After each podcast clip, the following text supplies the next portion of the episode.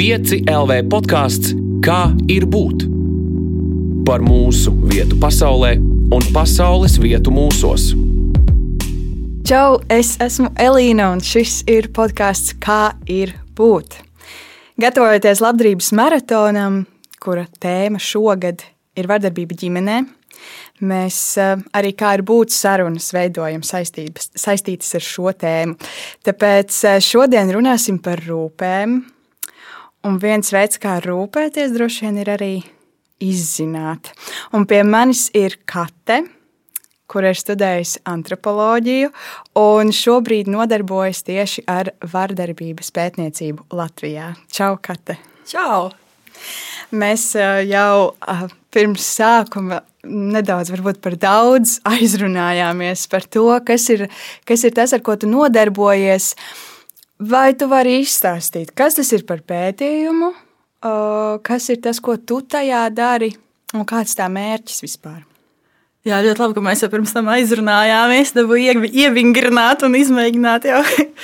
Jā, tā tad pētījums, kurā šobrīd es darbojos, ir uh, trīs gadus ilgs pētījums, ko ir pasūtījusi Latvijas Zinātņu padome. Un, uh, to veicam mēs, antropoloģijas uh, pētnieku komanda.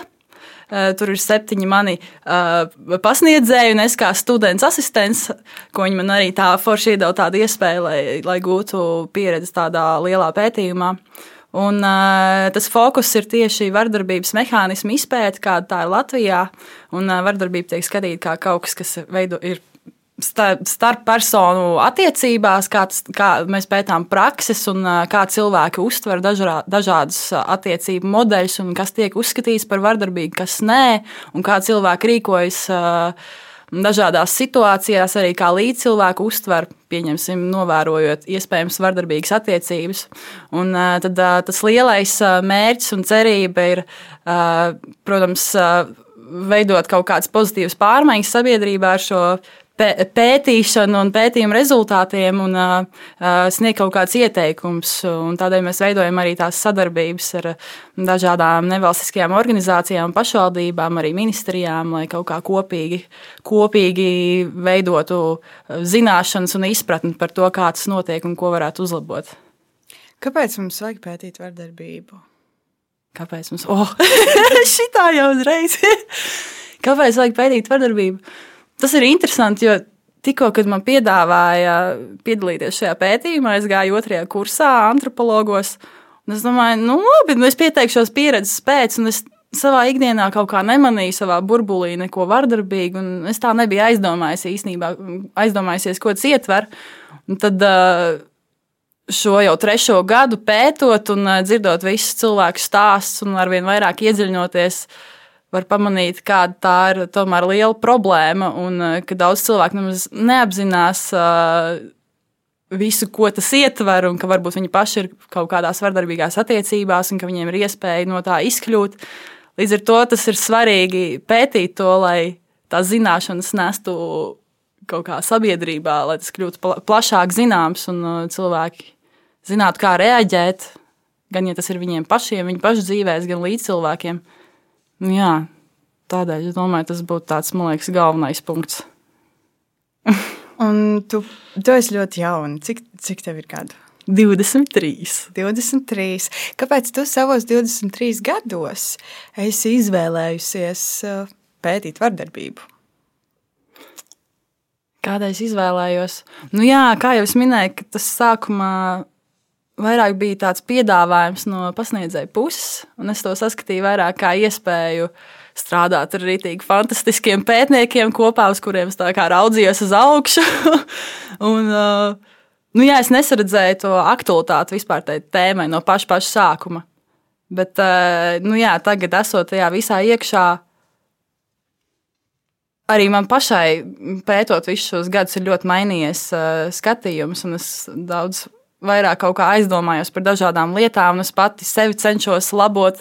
Es sāku interesēties arī ārpus tā par dažādiem veidiem. Mm, kā pašai būt mazāk vardarbīgai. Es ļoti, nu, tā, ļoti sensitīvi kļuvu par šo tēmu.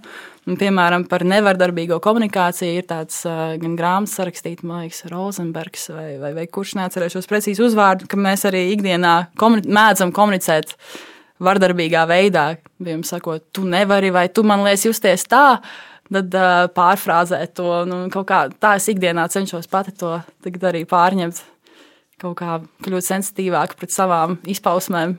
Un tas tā pateicoties tam pētījumam, es domāju, lielā mērā.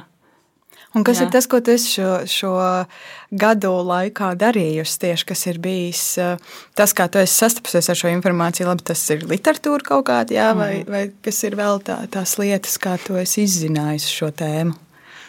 Nu jā, pamatā mēs izmantojam tādas antropoloģijas metodas, kā padziļinātās intervijas ar cilvēkiem. Mēs visā, visā Latvijā pa četriem reģioniem braucam pētnieku tādiem pārīšiem, pa divi braucām uz dažādām pilsētām Latvijā, un tur veicām novērojumus ilglaicīgus un veicām intervijas ar vietējiem cilvēkiem, arī ar pašvaldību pārstāvjiem, sociālajiem darbiniekiem, lai saprastu, kā tajā vietējā vidē tās lietas notiek. Tā būtu tāda viena galvenā metode, kas ir tie kvalitatīvie dati, bet tad papildus tam arī mēs veicām uh, dažādus vairāk kvantitatīvos pētījumus, kā mēdīju analīzes, skatīties, kā mēdījos tiek atspoguļots un runāts par vardarbības tēmām, un arī komentārus ietverot, kur visu kaut ko varēja salasīties. un, jā, un arī tika vispār kopumā apskatīt, kāda ir likuma un vardarbības novēršanas politika Latvijā. Tā kā tur ir tāds viens liels kopums, kā mēs pieejam šai tēmai izpētēji. Šis viss ir ļoti, ļoti interesanti, jo es šobrīd pati, gatavojoties labdarības maratonam, dodu pieci, nu, cenšos smelties visu informāciju, kas nu ir pieejama. Patiesībā tie pētījumi Latvijā nu, nav nemaz tik daudz par, par šo. Un, ja kaut kas ir, tas ir diezgan vecs jau, bet sabiedrība mainās ļoti strauji. Un, gan jau arī tās prakses un reālā situācija ir mainījusies. Tāpēc man ir liels prieks, ka mums top kaut kas šāds. Gribētos, lai tagad jau būtu pie rokas pirms, pirms labdarības maratona, bet galvenais, ka kaut kas notiek. Jā. Jā. Nu, man te ir daudz jautājumu par rūpēm. Jo um, es pati arī domājot par uh, šo sarunu, domāju, ka nu, šāda pētniecība, manuprāt, ir viens veids, kā rūpēties. Uh, jo es arī pati esmu strādājusi pētniecībā pirms tam, un es to redzu savā ziņā kā rūpju formu. Un apgriežot visu līdz tik ļoti kājām gaisā, ka mēs nonākam līdz pašam sākumam, es tev pajautāšu vienkārši jautājumu, kāds dzīvnieks ir cilvēks? Kāds dzīvnieks ir cilvēks? Cilvēks ir dzīvnieks. mēs, mēs varētu būt citādāki. Tā kā cilvēku daba. Hmm. Vai mēs varētu būt citādāki? Es domāju, nu kā, nu mēs paliekam savā ķermenī, kādā mēs esam, bet uh, es domāju, mēs noteikti varam mainīt tos savus patērnus, kā mēs uzvedamies un attiecamies pret lietām. Kaut kādas, jā, tās. Hmm. Bet tā, jā, gribās domāt, ka cilvēkam ir kaut kāds, cilvēku sugai kaut kādas fundamentālās kopīgās iezīmes. Un tā pati nepieciešamība pēc citiem, citu cilvēku atzinības vai, vai tādas lietas. Jā. Nu, tāds dzīvnieks. Bet ar ko atšķiras rūpīgs dzīvnieks no rūpīga cilvēka? Rūpīgs tas arī īstenībā ļoti interesants vārds, kā latviešu valodā tas tiek izmantots. Tagad, jautājot šo jautājumu, man rūpīgi, kā es to uztveru, ir tāds kārtīgs. Mm -hmm. šis ir ļoti interesants. Šis vārds vispār ir ļoti daudznozīmīgs. Jā. Ļoti. Un, un arī tās rūpes. Jā, rūpīgs, kā saka, kārtīgs, rūpīgs, norūpējies jā. ļoti par kaut ko. Tas tāds grūzis jau. Jā, nu. jā, jā, un tad ir rūpju pilns tāds, nu, kas grib izdarīt labu kādam, un es par viņu rūpējos. Tad, tad, tad mīlestības izpausme ir rūpes, vai ne? Sādas mums ir rūpes, bet ar ko atšķirās? Varbūt tieši ar to arī atšķirās ar vārdu nozīmi. Rūpīgs dzīvnieks no rūpīga cilvēka. Hmm. Es ne. Mm. kā man, man grūti vispār spriest, jo es neesmu citu dzīvnieku ādā bijusi. es pieņemu, nu, kā mēs vismaz esam paraduši domāt par citiem, citiem dzīvniekiem, ka tie ir vairāk instinktos balstīti, un tās rūpes var būt vairāk, ja mēs domājam par dzīvnieku vecākiem, kur rūpējās par saviem mazuļiem, ir nodrošināt, ka viņiem ir ēdiens un tādas lietas, tad varbūt cilvēks paceļās citā līmenī un domā arī par mentālo labbūtību un, un, un tādām netveramākām lietām, nemateriālām. Nu, varbūt tā. Un ko antropoloģija saka par rūpēm? Ir kaut kāds antropoloģiskais skatījums uz to, kas ir rūpes. Antropoloģijas mm, īstenībā mums bija reiz arī viens kurs pētījums par uh, Covid-19 uh, un rūpēm. Tas bija, mēs bijām mēs ar citiem studentiem un saviem pasniedzējiem, tad pētījām, kādas ir tās rūpju prakses krīzes laikā. Un, un kā, kā rūpes tiek uztvertas, un tur arī interesanti visādi secinājumi iznāca laukā, ka nu, rūpes bieži vien tiek saistītas ar sievietēm, ka rūpes ir dabiskas sievietēm, rūpes par bērniem tas ir sieviešu pienākums, Un tad, piemēram, vīriešiem varbūt ir cita veida rūpes, materiālus, nu, nodrošināt, piemēram, nest pārtiku naudu mājās un aizsargāt ģimeni. Nu, ka ir šīs dzimuma atšķirības, kā tiek uztvertas rūpes. Bet tas ir jā, ļoti kultūrāli arī vienmēr, kā, kā dažādās valstīs. Tas vairāk par, par mums šeit ir.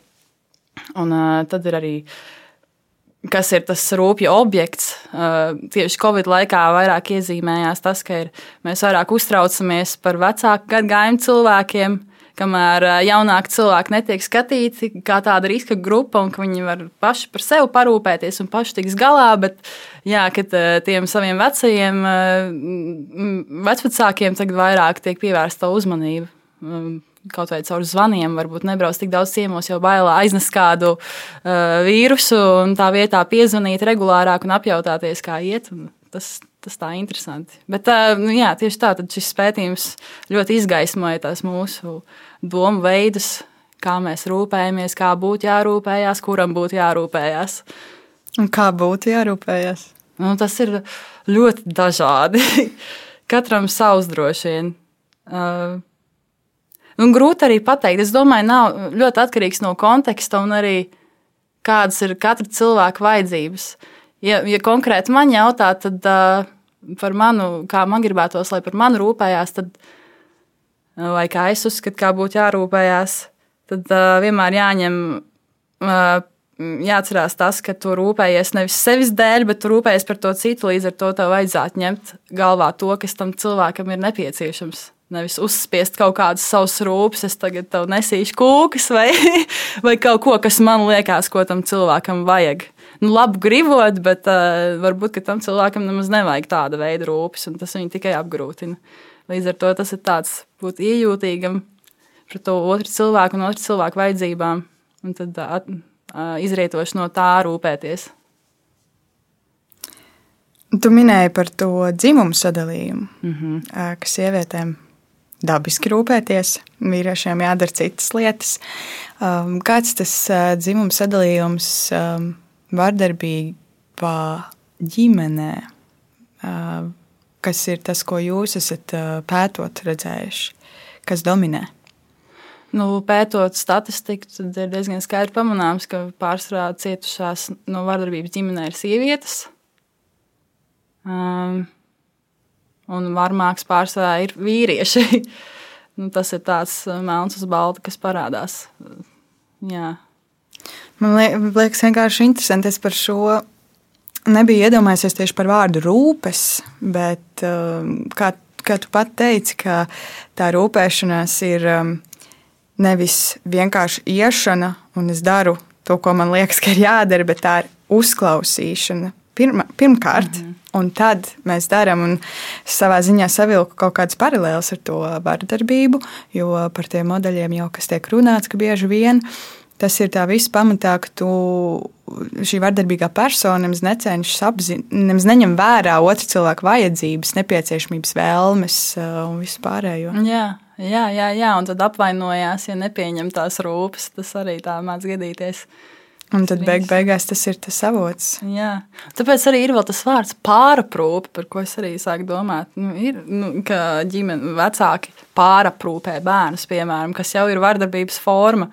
Jo tas to mazo cilvēku padara nespējīgu vēlāk pašam par sevi parūpēties, ka viņam visu priekšā pakaļā viņa vietā izdara, un tas jau viņu padara nespējīgu. Jā, es tieši tā gribēju prasīt, kas ir tās situācijas, kad rūpes jau sāk kļūt vardarbīgas. Jā piemēram, šādi. Kad, nu, kad cilvēku vietā labu gribot, uh, dara viņa, visu viņa vietā, un nu, tā visa tā mīksta to ceļo, tā, nu, kad ik pats neko. un, nu, jā, tad tas cilvēks attopās. Pēc tam 18 gadu vecumā visa pasaule, kā, kā lietas notiek, un pats nevar tikt uh, cauri kaut kādām grūtībām, jo viss vienmēr viņa vietā ir izdarīts. Tad nu, tur tās sekas ir diezgan negatīvs. Jā. Un ar ko rūpes atšķiras no palīdzības? Palīdzība pārs. Es kaut kā uzreiz iedomājos, ka tas ir tāds palīdzība, ja tev. Es iedomājos, ka tas vairāk, ka tas otrs cilvēks arī vaicā pēc tās palīdzības. Un tad, lai gan hmm, tas ir interesants jautājums. Hmm. Nu, palīdzība, man liekas, ietver kaut kādu vairāk virzību konkrētā virzienā, kamēr rūpes tas ir vienkārši izrādīt kaut kādu to, ka tev rūp un tev nevajag nekādus rezultātus galā. Palīdzība ir kaut kas konkrēts. Man liekas, nu, palīdzēt veikt mājas darbu, piemēram. Bet tu arī rūpējoties par otru cilvēku, palīdzēt veikt mājas darbu. Nē, nu var, jā tad tā, tā rūpja forma ir palīdzība pie mājas darba. Tādā gadījumā es domāju, rūpes var ietvert palīdzību, ka to nevar obligāti atdalīt. Jā, jā tagad, kad es tā domāju, jā, ka īstenībā. tad rūpes ietver palīdzību. Un ar ko, ar ko rūpes atšķiras no gādības? Ir vēl viens vārds. Mēs parasti daudz spēlējamies ar vārdiem. Gādība. Es īstenībā to saskatu kā tādus sinonīmus patiesībā. Es nebiju iedomājies par atšķirību starp šiem vārdiem. Gādīgs. Nu, arī tāds, kas. Hm.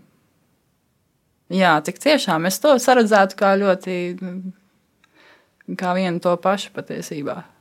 Jo nu, mums var, kā jau mēs sākumā runājām, ka mums var būt arī uh, mēs sakām rūpēties par kaut ko, un tas var būt tāds kaut kas smags. Mm -hmm. Bet tas var būt arī tāds kaut kas ļoti gaišs un, un, un, un mīļš, vai gādība var būt tik smaga. Gādība. Nu, es domāju, tāpat kā rūpes, ka tas arī kādā brīdī var kļūt pārāk daudz tā, gan tam cilvēkam, par kuru tiek gādāts gan tas cilvēks, kurš gādāja. Tas eh, pārāk daudz no viņa atņem kaut kādu enerģiju vai laiku, un ka tas cilvēks aizmirst pat, gādāt pats par sevi. Nu, kaut kādā tādā ziņā. Lai gan gādāt, ja par uh, vārdu tādu analīzi, tad tas varbūt iet.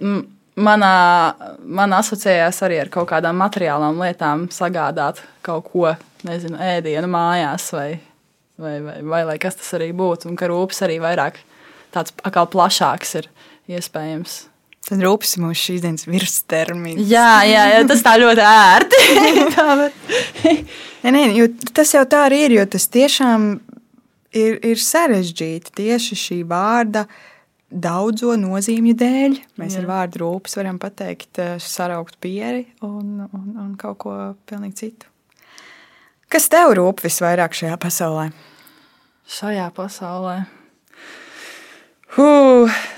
Tas izklausīsies šausmīgi egoistiski, bet laikam galu galā tā ir tomēr, ka man rūp, um, man, man rūp pašai savu labbūtību un attīstību, un lai es jūtos labi. Un tad, protams, man rūp arī to, ka maniem mīļajiem cilvēkiem viss ir labi un viņi jūtās labi.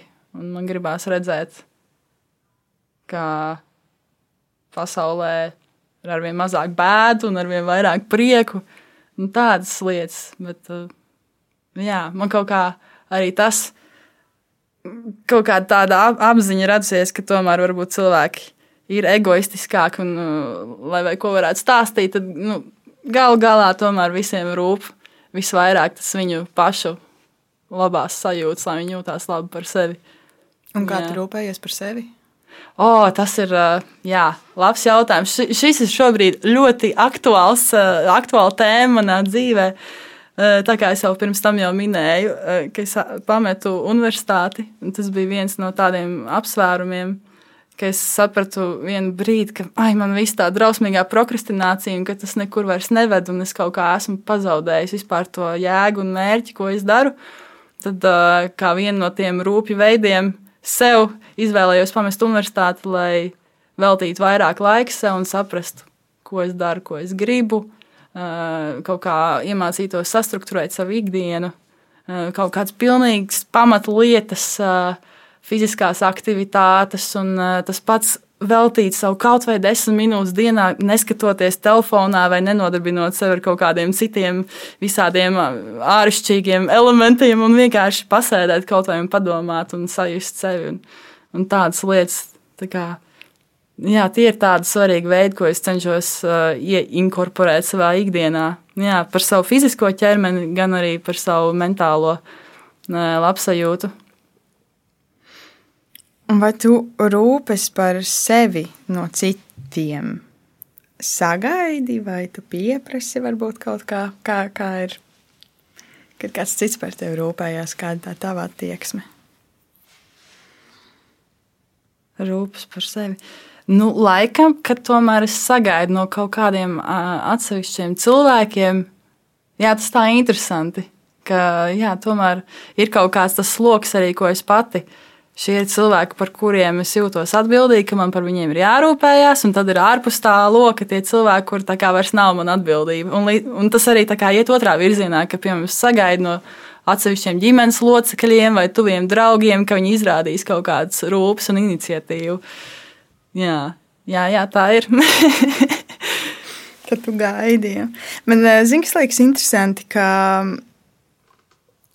reizēm ir kaut kā tā, ka mums savā ziņā ir varbūt pat vieglāk rūpēties īstenībā par svešajiem. Es nezinu, mēs kaut kā. Um, Mums reizēm liekas dīvaini, ja mēs spējam, piemēram, garām kādam nezinu, bezpajumtniekam, kas mums lūdz naudu. Mēs tajā brīdī, nu, neiedodam. Jā, mēs varam paiet garām, mums liekas, ai, nu, muļķīgi. Mm. Uh, bet uh, paciest, piemēram, ka mums dara pāri tuvākais vai kaut kā tam līdzīgi, nu, mēs kaut kā paciešam. Kāpēc uh, tas ir tik sarežģīti? Kā tas ir, ka mums reizēm vieglāk ir rūpēties par svešo?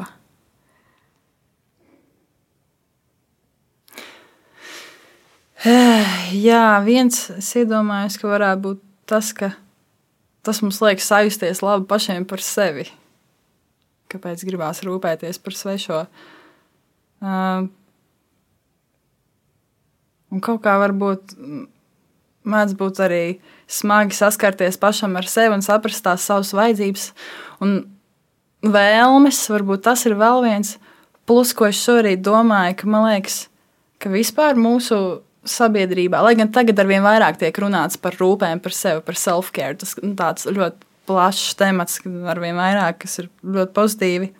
Bet jā, ka tādas rūpes par sevi kaut kad bieži vien uh, tik saistīts ar tādu egoismu arī. Nu, kā tu tagad velti visu to laiku un enerģiju sev, uh, nevis uh, apkārtējiem. Mm, bet, uh, jā, tas man liekas, tas domu uzturs mainās tagad Tas uh, šķiet ar vien pieņemamāk rūpēties ar, arī par sevi. Kā, jo es domāju, ja tu nerūpējies par sevi, tad tu arī patiesībā nevari parūpēties par uh, citiem. Nu kā, īpaši, es iedomājos pat uh, īpaši aktuāli vecākiem, kuri, ja viņiem nav laika, atpūsties un uh, veltīt laiku kaut kādu tikai un vienīgi sev, tad jau viņi nevar. Viņi arī tajos uh, interakcijās ar saviem bērniem varbūt ātrāk aizkaitināti paliek, vai nu, viņi nevar veltīt sevi tādā pilnībā, kā ja viņi paši būtu uh, parūpējušies par sevi. Tā kā tas ir ļoti, ļoti svarīgi.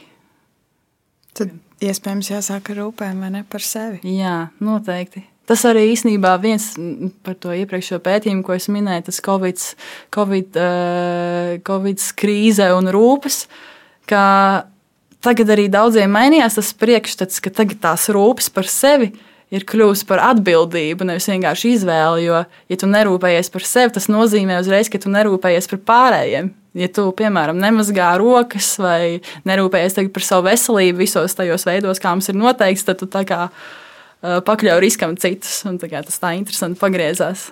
Agrāk tas vairāk bija tāds rūpējies, nerūpējies par sevi, tavu darīšanu.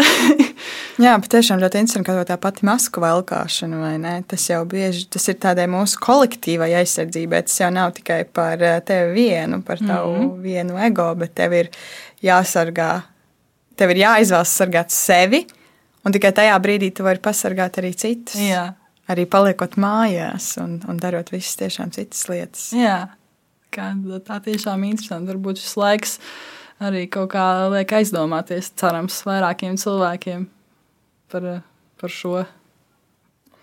Kā tev, kā tev liekas, vai rūpes kaut kādā veidā, kaut kādā situācijā var būt vienaldzība? Respektīvi, ka tev ir vienalga tādā veidā, ka tas izrādās palīdzoši. Rūpes par sevi vai vienalga? Jebkāda veida rūpes no visām tām, ko mēs esam apspriedušas. Es domāju, ka vienaldzība kaut kādos brīžos var būt palīdzoša kaut vai pašam, pašam sev, ja tu kaut kā esi ļoti uh, ieciklējies uz kaut kādu lietu, un tas tev grauž. Un tad varbūt tā vienaldzība pret to kaut ko var izglābt no tā, un tu vari nomierināties un varbūt paraudzīties uz kaut ko citu. Un arī attiecībā pret citiem, nu, tā neprasītā, neprasītās rūpes, un ka varbūt citreiz kādam cilvēkam tam citam arī vajag, ka viņam nebāžās virsū, un it kā ir tā vienaldzība. Nu, tajā ziņā varbūt. Jā. Bet tā, ka vienaldzība, vienaldzība, ka tiešām vienalga par kādu citu, nē, es domāju, tas Hmm. Tas ir drīzāk, varbūt, nu jā, nevis kā vienaldzība, bet netraucēšana. Nu, kādam ļaut būt, lai viņš pats ir. Bet vienaldzība, laikam, tomēr vairāk ietver tādu negatīvu konotāciju. Jā. Ļoti iespējams, jā. Bet, labi, mēs tagad esam parūpējušies par, uh, par sevi. Mm -hmm. Esam parūpējušies. Uh, un nākamais solis, ka mums jārūpējas par kaut ko pasaulē. Un tajā skaitā, jā, īstenībā nē, man gribas vēl soļot, īstenībā soli atpakaļ. Es domāju, parūpēties par sevi arī situācijās, varbūt, kurās cilvēki cieš no vardarbības. Mm, tu droši vien esi uzklausījis dažādus stāstus arī savā pieredzē un visādi citādi. Kā cilvēki, vai, vai mēs vispār rūpējamies par sevi tajā brīdī, kur ir tas klikšķis, kad mēs saprotam, ka man ir jāparūpējas par sevi un ka parūpēšanās iespējams nozīmē aiziet no tām attiecībām vai meklēt palīdzību, un cik ilgi mēs noliedzam to, ka mēs esam.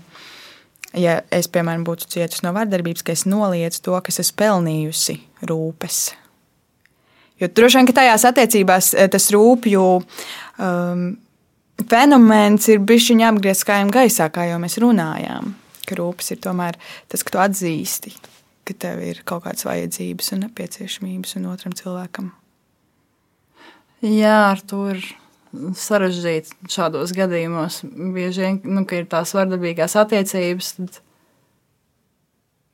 Mm, jā, tas pat um, es kaut kad klausījos arī kaut kādu lekciju psihologu, kad veidojas tas, uh, ka cilvēks pats sev ieliek tajā upura pozīcijā, un ka bieži vien ka tas viņam arī neļauj pieņemt to, ka viņš pats bieži vien varbūt pat izvēlās neaiziet no tām vardarbīgām attiecībām, jo viņš kaut kā tā ir izdomājis, ka tas viņam ir ērti. Un tad kaut kā no ārpuses izvilkt kādu akālu, tas arī būtu vardarbīgi. Viņi izraut no šīm vardarbīgām attiecībām, lai kā arī gribētos. Un tu redzi, kā tas nu, tik ļoti kaitē šiem abiem cilvēkiem. Kā rīkoties tādās situācijās, tas ir tiešām ļoti sarežģīti. Jo tam pašam cilvēkam, kurš ir šajās attiecībās, Viņam arī ir jāgrib no viņiem aiziet. Tas ir tāds gan pašam iekšējais process, gan Jā, un tas, domāju, tie, kas grib palīdzēt, vienīgais, ko var darīt, ir sniegt kaut kādu informāciju, kur var griezties pēc palīdzības. Mums ir visādas nevalstiskās organizācijas, Dārdedze, Marta un Skalbes un kas vēl ne. Tā kā tas ir, man liekas, vienīgais. Un runāt ar cilvēku un kaut kā, jā, apgaismot iespējams nevardarbīgā veidā. Nevis teikt, ah, tu esi vardarbīgās attiecībās, ej prom, jo tas arī jau, man liekas, jau tā, tā diezgan vardarbīgi pušī, pušī. Tā kā mierīgā caur sarunām kaut kā rast risinājumu tādām. Jā, bet tas ir, tas ir ļoti sarežģīti. Es daudz esmu par to domājis. Tik tiešām kā rīkoties. Es esmu nonākusi.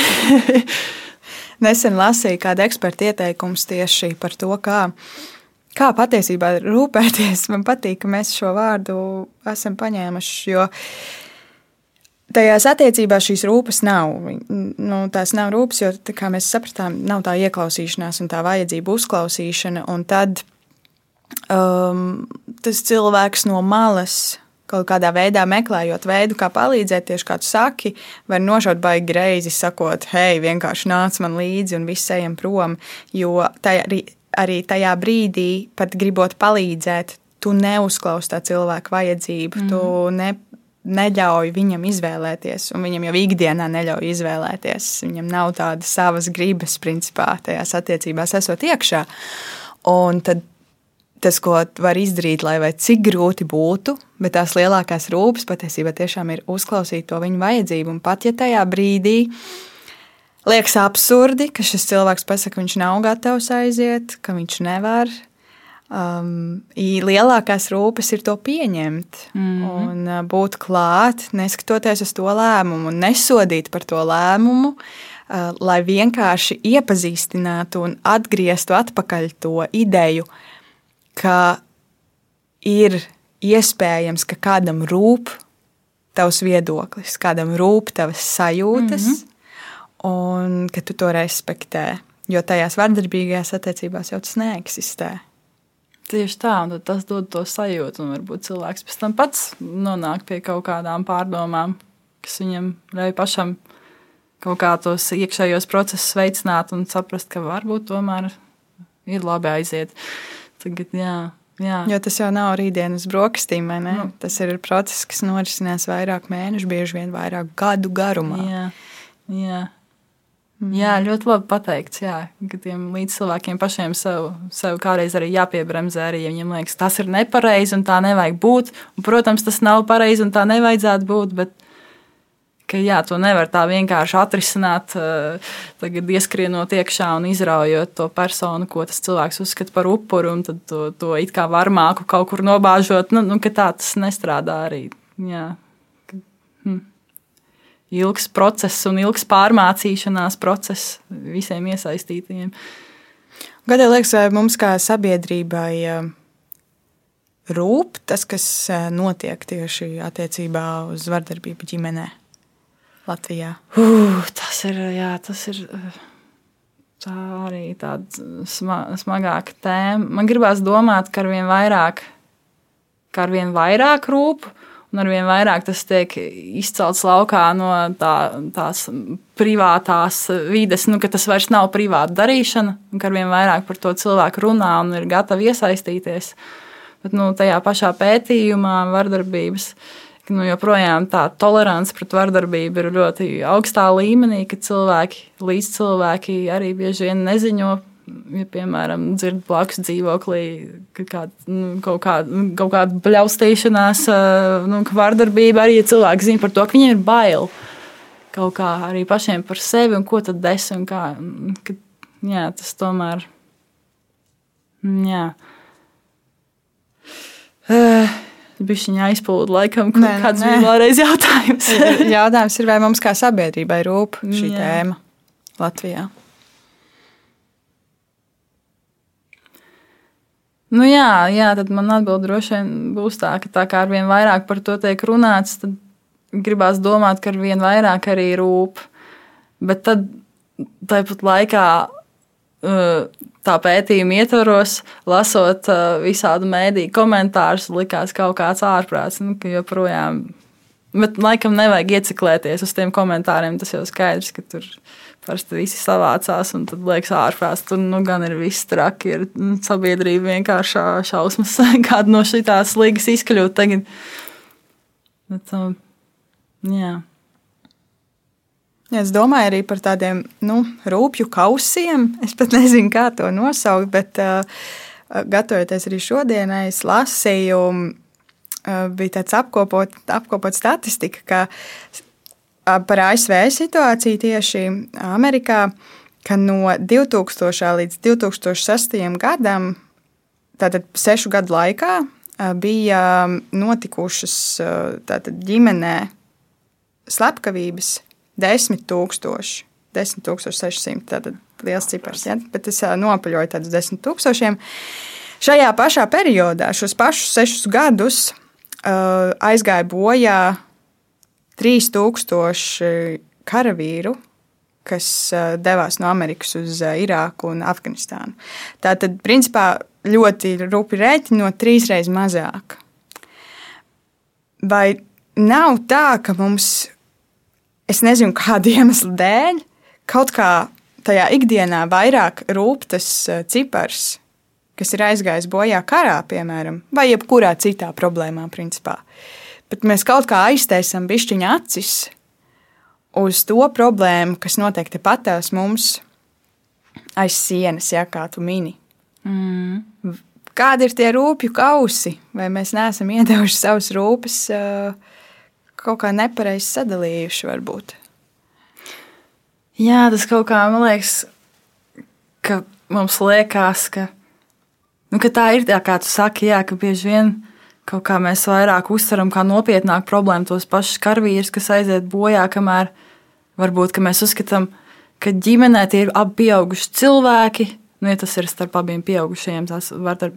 jo, piemēram, vardarbība pret bērniem, tas uh, tomēr jau pakāpē augstāk, vairāk cilvēks uztrauc. Bet, ja tas ir starp abiem pieaugušiem cilvēkiem šajās attiecībās, tad liekas, abi taču ir pieauguši cilvēki un var paši izdomāt, nu, tikt galā. Tā, tā, tādā ziņā varbūt mēs tā kā pilnīgi morāli nosodām, nu, ko tad viņi šitā tad dzīvo, nevar savākties.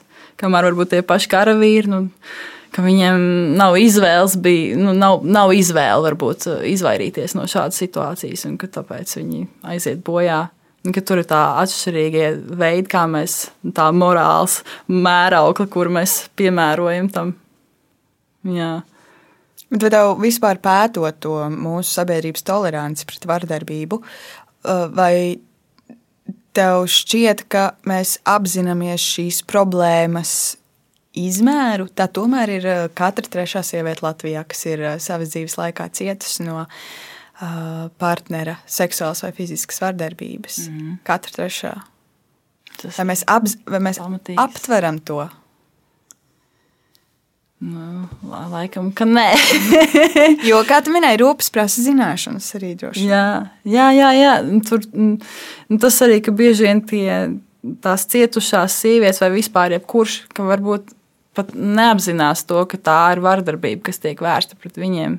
Tāpēc tas arī lielā mērā ir tas zināšanu trūkums. Kaut kādā, jā, es domāju, noteikti pamatā zināšanu trūkums bieži vien kādēļ cilvēki ka pat arī kādēļ cilvēki ir vardarbīgi. Varbūt, piemēram, ja skatās, kaut kāda cilvēka uzskata, ka audzināšanas metode pēršana ir ļoti veselīga bērnam, disciplinē un tā tālāk. Tas jau nav tādēļ, ka cilvēks būtu slikts cilvēks. Man kaut kā negribās iedalīt sliktos, labos cilvēkos. Bet tas ir, nu jā, tas ir kā pats cilvēks ticis audzināts savā bērnībā, viņam ir pieredze no savas ģimenes, un tad viņš izdomājis, ka tā var turpināt tagad pret saviem bērniem. Līdz ar to tās ir kaut kādas zināšanas, kuras nodotas tālāk. Um, un, jā, jā, jā, jā man, man tiešām gribās domāt, ka lielā mērā tas ir tieši tā, ka klusums ap šo tēmu un ka nav cilvēkiem zināmas alternatīvas par to pašu bērnu audzināšanas tēmu, kā, kā var citādāk. Es saprotu, man nav pieredze kā vecākam, es saprotu, bet es saprotu, ka audzināt bērnus jābūt drausmīgi grūti. un ka varbūt brīžiem tur pazā, pazaudēt nervus var, bet nu, ka, Jā, kaut kā, nu, saprotu, Latvijas sabiedrībā lēnām nāk iekšā arī citas metodas, kaut kādas pozitīvās audzināšanas metodas. Un, uh, jā, un ka tiek piedāvāts tās alternatīvas, kā citādāk būt attiecībās. Uh, ka tas varbūt ir tāds veids, kā var mainīt tās lietas. Jā, tu mini to, ka es tā esmu audzināts, un tad es audzinu savējos bērnus, audzinu viņus tāpat.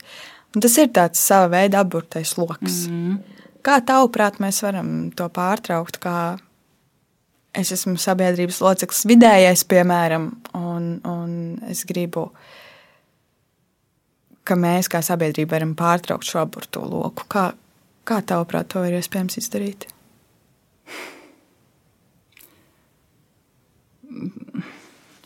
Nu, jā, tas ir tas pats, ko, ko es pieminēju, ka piedāvāt tās citas alternatīvas, parādīt, ka var arī citādāk izaudzināt bērnus bez pēršanas.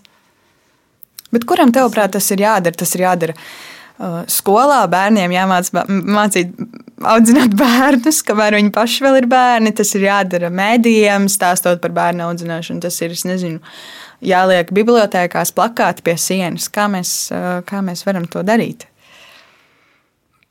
Hmm. Es domāju, skola noteikti ir eh, viena vieta, kur var ļoti labi, ja piemēram kaut kādas lietas bērnam netiek iemācītas ģimenē, vērtības vai pašcieņa un, un, tādas lietas, tad skola varētu būt tā vieta, kur ir kaut kādas nodarbības, kur tiek izgaismotas šīs lietas. Es noteikti tā domāju. Jā, jo, nu, piemēram, ģimenēm jau var būt arī dažādi, dažādas iespējas uh, rūpēties par to bērnu, gan finansiālajie apstākļi un viss tas. Līdz ar to skola varētu būt kaut kas izlīdzinošs, kas kā, sniedz visiem kaut kādu tādu informāciju, kas varētu viņiem palīdzēt, aizejot atpakaļ savā ģimenēs. Ļoti interesanti. Mēs pirms pāris dienām tieši PCLV gatavojoties labdarības maratonam, dod pieci, mēs veidojam tādus video stāstus, kur cilvēki dalās savā pieredzē par vardarbību ģimenē.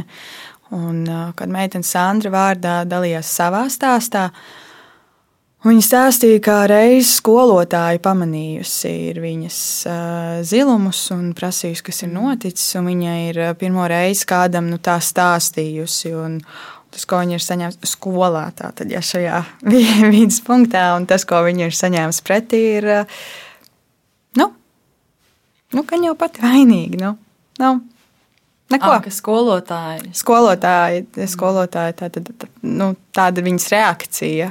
Um, Principā nekā, nu, nekāda pozitīva reakcija uz situāciju mm vai kaut ko tādu. Vienkārši reaģēja uz tādu faktu, un, un tas arī viss. Nu, jā, tas tā kā parādās, tas, kas kaut kādā ziņā raksturīgs mūsu sabiedrībai. Tāds, nu, tā jau nav mana darīšana, un tas ir pašiem jākārto. Nu, jā, ka vēl kāds, vēl viens veids droši vien būtu jākultivēt tās rūpes arī par citiem cilvēkiem, plašāk aiz sava loka, kas arī varētu uzlabot. Nu, tāpat kā, kā tikko stāstīja, kā tā skolotāja, viņa varēja reaģēt pavisam citādāk un no sirds kā, piedomāt, kas tā par situāciju un kaut kā mēģināt risināt viņu. Nu, es iedomājos, arī, ja skolotājai visas situācijas jārisina, tas arī kļūst ļoti grūti. Un, kā zināms, tad uh, sociālajiem darbiniekiem un skolotājiem un šāda veida uh, darbu strādājošiem cilvēkiem ir visas izdegšanas uh, riski vislielākie. Nu, tomēr tev tik daudz ir jāizliek sevi. Bet, uh, jā. Jā, šajā kontekstā ir labs jautājums, vai rūpes ir reaktīvas vai proaktīvas. Respektīvi, vai rūpes ir tās, kas vienkārši reaģē uz kaut ko, vai rūpes tomēr jau nedaudz ir kaut kas, kas paredz pirms tam un tādā veidā rīkojas. Kā domā, vai vienkārši uz sitienu rīkojās kaut kā? kā? Nu, respektīvi, ir, ir, sit, respektīvi, es nezinu, ir uh, vardarbība ģimenē, tātad skolotājs bērns. Un uh, ir situācija, kā tu saki, vienkārši tagad skolotājs lektu iekšā katrā situācijā. Tā ir tāda reaģēšana mm -hmm. vienkārši uz situāciju. Proaktīva rīcība varētu būt kaut kas, kas uh, ļauj ideālā gadījumā pat nu, nemaz nepieļauj šādas situācijas. Tas ir kaut kas, ko mēs darām pirms tam, lai tas nemaz nenotiktu. Mm -hmm. Varbūt ar, ar to arī, jā, ka, kas tavuprāt ir rūpes, tad reak, reaktīvas vai proaktīvas? Un, lai nonāktu pie tā, lai vardarbība vispār nenotiktu, tas droši vien ir ļoti tāls ceļš ejams, tagad droši vien tas tas, ko varētu darīt, lai mazinātu šādus gadījumus, būtu izstrādāt kaut kādus mehānismus, kā šie paši skolotāji var atpazīt vardarbību. Un tad, lai arī šiem skolotājiem būtu palīdzība, piemēram, psihologi vai sociālajie darbinieki skolās, kas tad palīdz tālāk no tā skolotāja pārņemt šo un tad varbūt risināt tās lietas.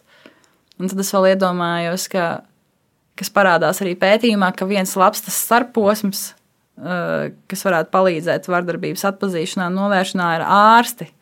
Arī tas bieži vien tiek izslēgts no viņu uzdevumiem, darba pienākumiem, bet viņi ir ļoti, ļoti eh, svarīgs posms, kurš varētu būt tas, kas atpazīst to vardarbību laicīgi, un tad var kaut kā tālāk ziņot personām, kuras var pēc tam doties šajā ģimenē un risināt lietas. Līdz ar to ir kaut kā, jā, līdz vardarbības nesamībai, es domāju, ir tiešām ļoti, ļoti, ļoti tāls ceļš ejams. Es, jā, man pat grūti iztēloties, bet tad ir tie dažādie veidi, kā sistēmas, ko var veidot, lai pēc iespējas ātrāk varētu reaģēt, un arī kā reaģēt, un kaut kā tā darba sadalīt, lai tas viss notiktu. Nevis, ka visi labāk klusē un neredz no acīm, nav problēma. Kā tas, man liekas, šeit notiek. Jo es domāju, tāpat skolotāji varbūt vienkārši nezināja, kā rīkoties, kur griezties. Viņai nav arī savu atbalsta mehānismu apkārt, jo viņi jau pati tur. Nu, Zvanīs tam vecākam, čau, tev, nu, bez čau droši vien. Sveiki, jā, es pamanīju zilumu bērnam, un varbūt tas vecāks atcirtīs, un tad viņai negatīvas emocijas, un ko tālāk ar to darīt. Jā, tad ir jādomā par to, kā, kas ir tie atbalsta punkti visiem iesaistītajiem. Jā, kā vispār mēs veidojam diskusiju ne, par to, tad, ja ir jāuzsāk tāda saruna, ja tev nav atbalsta mehānismi un tu nezini, kā, tas, kā to darīt, tas tomēr prasa diezgan tādu izglītošanos. Mm -hmm. Atkal. Jā, jā mēs daudz, daudz, pie tā, daudz pie tā tiešām nonākam. Izglītība, lai vispār atpazītu, izglītība, lai saprastu, kā rīkoties, mm. izglītība, lai saprastu, kā palīdzēt. Jā, un man gribas domāt, ka mēs dodamies tajā virzienā. Tik tiešām, jā, ka ar vien vairāk par to tiek runāts un tas tiek cilāts gan Latvijā, gan arī plašāk. Bet ar ko Latvijā, vai tev ir kaut kāds priekšstats radies pētot, ar ko Latvija atšķiras no, no citām? Nu, es teikšu, Eiropas Savienības valstīm, jo, protams, ir ļoti atšķirīgas kultūras, kur sievietes loma ir vispār kardināli mm. citāda nekā mums šeit, Latvijā. Bet arī Eiropas Savienībā nu, kopā ar Dāniju mums tie rādītāji ir visskumjākie tieši attiecībā mm. pret vardarbību pret sievietēm. Kas mūsu sabiedrībā ir citāds? Kā citās Eiropas valstīs, vai ir kaut kāda korelācija, lai mēs varētu to skaidrot? vai tajā, ko tu dari, esi kaut ko manījusi. Citāts, kā mēs attiecamies pret vardarbību. Varbūt pret, arī pret sievietēm vienkārši. Ja sievietes reiz, tā, reiz ir tā grupa, kas cieši visvairāk. Mm. Nu, man liekas, varbūt, ka mēs joprojām esam uz tā attīstības ceļa. Ka, nu, varbūt tā ir tā atšķirība. Kaut kādas, varbūt citas valstis Man pat nav, nenāk galvā uzreiz kāds ļoti pozitīvais piemērs. Bet tā pati varbūt Norvēģija, kur ir arī, ja mēs pat runājam par citām, par seksualitātes jautājumu, kur varbūt pieņem dažādākas eh, veidi, kā cilvēki grib identificēties, eh, ka tur varbūt jau tās diskusijas jau tik jau ilgāku laiku ir bijušas, un cilvēki jau to vairāk ir pieņēmuši, un ka mēs varbūt tikai nesen, ko varbūt varētu saistīt arī ar padomju savienību, ka mēs bijām ilgi tajā iekšā, un varbūt vēlāk no tā izkļuvām un tikām tajā lielajā dīķī un pie visas informācijas plašākās, ka varbūt, jā, ka mēs, nu, mēs vienkārši esam vēl ceļa sākumā. ka tagad tās, tās lietas tikai tagad sāk kustēties un bīdīties. Tas tāds laiks. Jā, nu, man tā gribās domāt vismaz. Kā tev šķiet, vai ir kaut kas tāds, kas tev rūpēs, piemēram, pēc pieciem gadiem, bet uh, absolūti nerūp šobrīd? Uh, veselība, droši vien. Es tagad mazāk piedomāju. Lai, gan nē, es tagad jau arī sāku piedomāt šo tādu ai, muguras sāpju ārprāts jau 23 gadu vecumā. Laikam nevajadzēja tur sēdēt ar pliku muguru pie loga. Velk. nu, jā. nu, jā, kas man grūti tā iedomāties. Kas man varētu rūpēt pēc pieciem gadiem? Nu, padomā arī otrādi. Padomā, kas ir kaut kas tāds, kas tev rūp šodien, bet ļoti iespējams nerūpēs pēc pieciem gadiem. Jā, man tā arī aktuālā tēma, par ko es daudz domāju, ka man šobrīd, vispār šajā dzīves posmā, ļoti daudz ir rūpējis, ko cilvēki apkārtējie par mani domā. Un varbūt tas tā, runājot ar vecākiem cilvēkiem, kas man stāstījuši, ka ar laiku tas paliek ar vien mazāk un mazāk, un tad man tāda cerība, ka varbūt tā varētu būt, jo tas kaut kādā ziņā ir diezgan kā, ierobežojoši, ka tu nevari kaut kā izpausties pilnībā. Un tas, tās arī ir tāda rūpju nēsamība pret sevi, ka tu sev neļauj pats un neparūpējies pietiekami, lai tu varētu pats varbūt sev nesniedz to atzinību un labos vārdus kaut kā. Jā. hm. Baigi interesanti, zini, kas ir, ka tu piemini abās situācijās, principā to rūpju pilno pier, nu, to sarauktās pieras rūpes, nevis tās gādīgās rūpes. Jo gan uh, sāpošā mugura, gan tas, ka tev rūp par to, ko citi par tevi domā, tās nav tās rūpes, kurās tu centies kādam palīdzēt, jā, vai kaut kā tam līdzīga. Tas ļoti interesanti, vienkārši kā prāts uh, noreaģēja. tas gan, jā, tas gan. Redz, kā varbūt tas saistīts arī ar vecumu. Es nezinu, ka vairāk tādu sevi centrēta jaunībā. Jo, kā mēs zinām, Olmītis jau slavens ar to, kā es gribu visu savu mīlestību saviem bērniem, mazdārniem, ar ēdienu un citiem veidiem.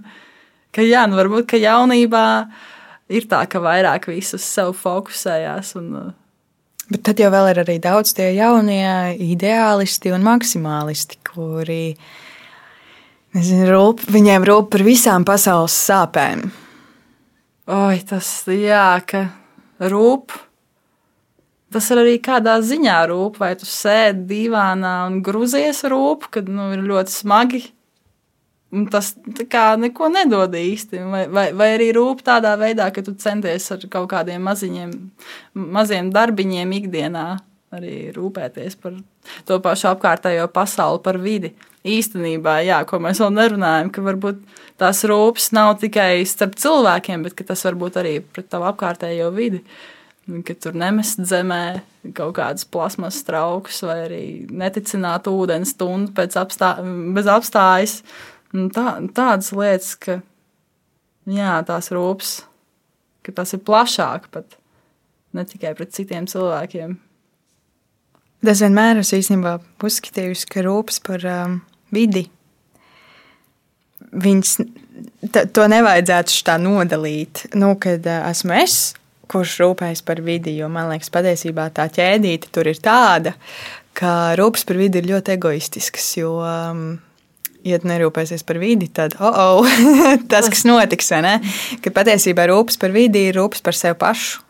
Jo apkārtējā vide ietekmē tik daudz, ka to nevar atdalīt. Nu, bez apkārtējās vidas, ja, ja mēs piedzīvosim tos ekstremālos laikapstākļus, vai milzīgu piesārņojumu, vai tam līdzīgi, tas jau ir tas, kas mēs jau to dabūsim. Mm. Mēs jau to dabūsim atpakaļ. Mums, mums cietīs, mums kaitēs. Un varbūt rūpes par vidi patiesībā ir egoistisks tāds. Un viņas varbūt tā vajadzētu reklamēt vienkārši. Vispār varbūt tas palīdzētu tik tiešām. Vai palīdzētu saprast, doma. jo ir, ir grūtāk rūpēties par kādu, nu, rūpes par kādu citu, tomēr pieprasa tādu. Viss paliek viņam.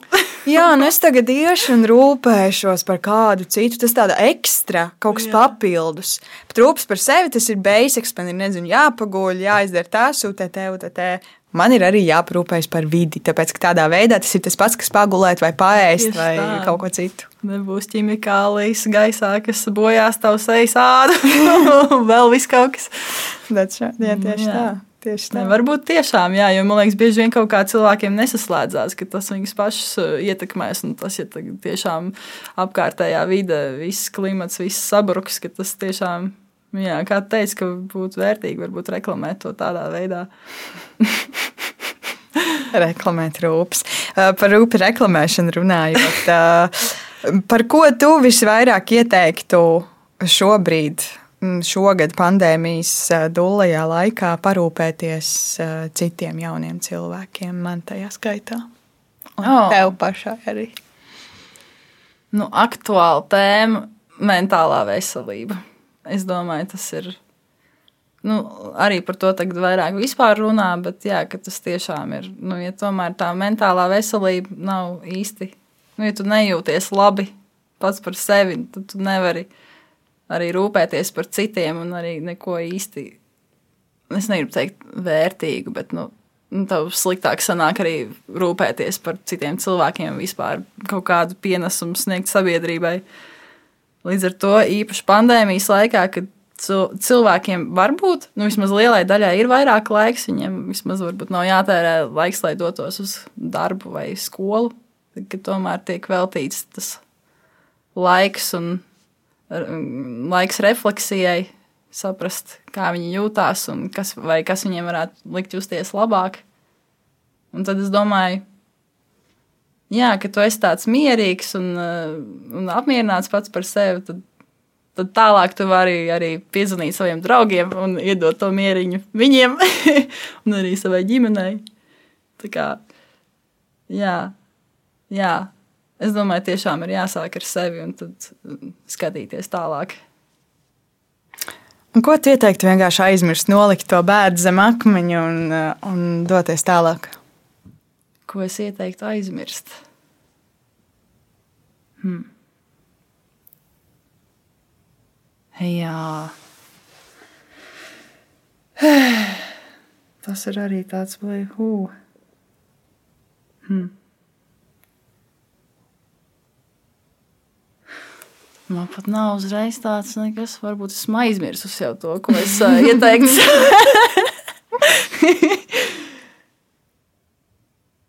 nu, aizmirst, varbūt, ka neko nevajag. Vajag atcerēties un kaut kādām lietām varbūt uh, piešķirt mazāk nozīmi. nu, jā, tā es teikšu. Man tā nenāk kaut kāda konkrēta lieta prātā, ko vajadzētu aizmirst. Man liekas, ir labi paturēt tādu pā- pārskatu pār visu.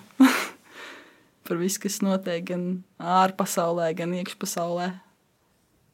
Un par ko tu rūpēsies rītdien? Rītdien, rīt ir piekdiena, vai ne? Rītdien es rūpēšos. Rītdien man ir, man liekas, tādas eh, rūpēšanās diena par sevi.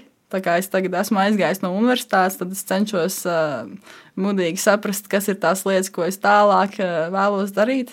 Tā kā es sastādīšu savu sarakstu rītdien, dienas sarakstu un centīšos uh, jā, kaut kādas uh, paš, pašaprūpas lietiņas sadarīt.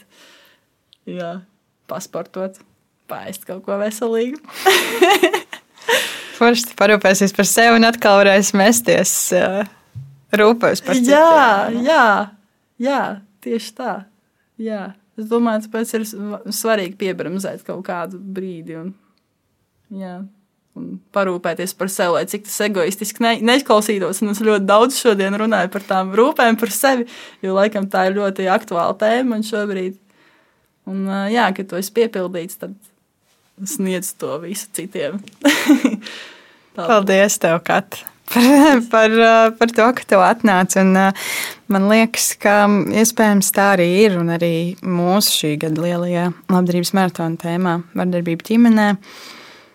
Mums ir jāparūpējas par to, lai mēs būtu informēti, lai mēs būtu izglītoti, lai mēs būtu paši savas emocijas droši vien arī sapratuši. Un, un, un, lai mēs spējam tur navigēt visos tajos sarežģītajos ūdeņos un ieraudzīt, cik dažādos veidos sabiedrībā tas izpaužās patiesībā. Mm. Tas nav nevienmēr skaļš sitiens vai kaut kas cits. Tās var būt arī mazas lietas, kā mēs varam kultivēt to vardarbības fenomenu. Mm -hmm. Paldies, tev, Kate! Paldies tev! Lai tev rūpju, labo rūpju pilns, ja redzies, saku rūpju pilns laiks, tad atkal liekas, tāds slikts, nē, bet lai tev labās rūpes par visu, un paldies tev arī, ka tu klausies. Šis bija piecēlē podkāsts, kā ir būt, un mēs tiksimies jau nākamajā epizodē pavisam, pavisam drīz. Atā!